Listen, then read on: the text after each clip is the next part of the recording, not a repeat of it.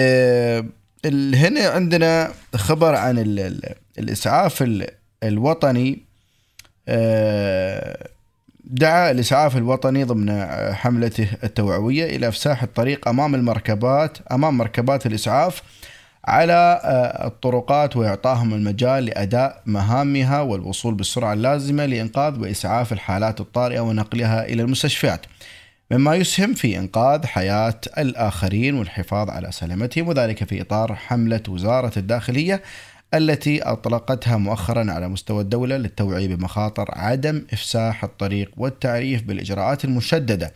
التي تم اتخاذها مؤخرا بهذا الخصوص من أجل تعزيز السلامة المرورية على الطرق وتجنب الحوادث والوفيات الناجمة عنها. كما شدد أحمد صالح الهاجري على أهمية كل ثانية في إنقاذ حياة الآخرين في حالات الطوارئ مشيرا إلى أن التزام مستخدمي الطريق بالإرشادات التي تدعو لها الحملة يتماشى مع أهداف استراتيجية وزارة الداخلية الرامية إلى بلوغ أعلى مستويات السلامة المرورية. وتعزيز كفاءة الاستجابة للبلاغات الطارئة مما يسهم في الحفاظ على الأرواح والممتلكات وتخفيض عدد الوفيات الناتجة عن الحوادث المرورية وتحقيق البيئة الآمنة للطرقات. وكانت وزارة الداخلية قد أعلنت مؤخرا عن تعديل مخالفة عدم إعطاء أفضلية وأولوية الطريق لمركبات الطوارئ أو الإسعاف أو الشرطة أو المواكب الرسمية الواردة في قانون السير والمرور الاتحادي لتصبح قيمتها المادية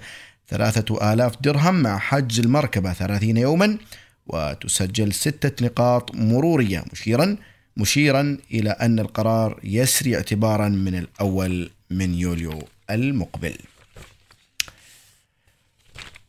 وثقافة آه، فتح المجال أمام السيارات آه، الشرطة والإسعاف هي فعلا ثقافة قبل لا تكون مخالفات وغيرها. بالعكس وهذه جهود وزارة الداخلية في التوعية آه، بهذا الخصوص.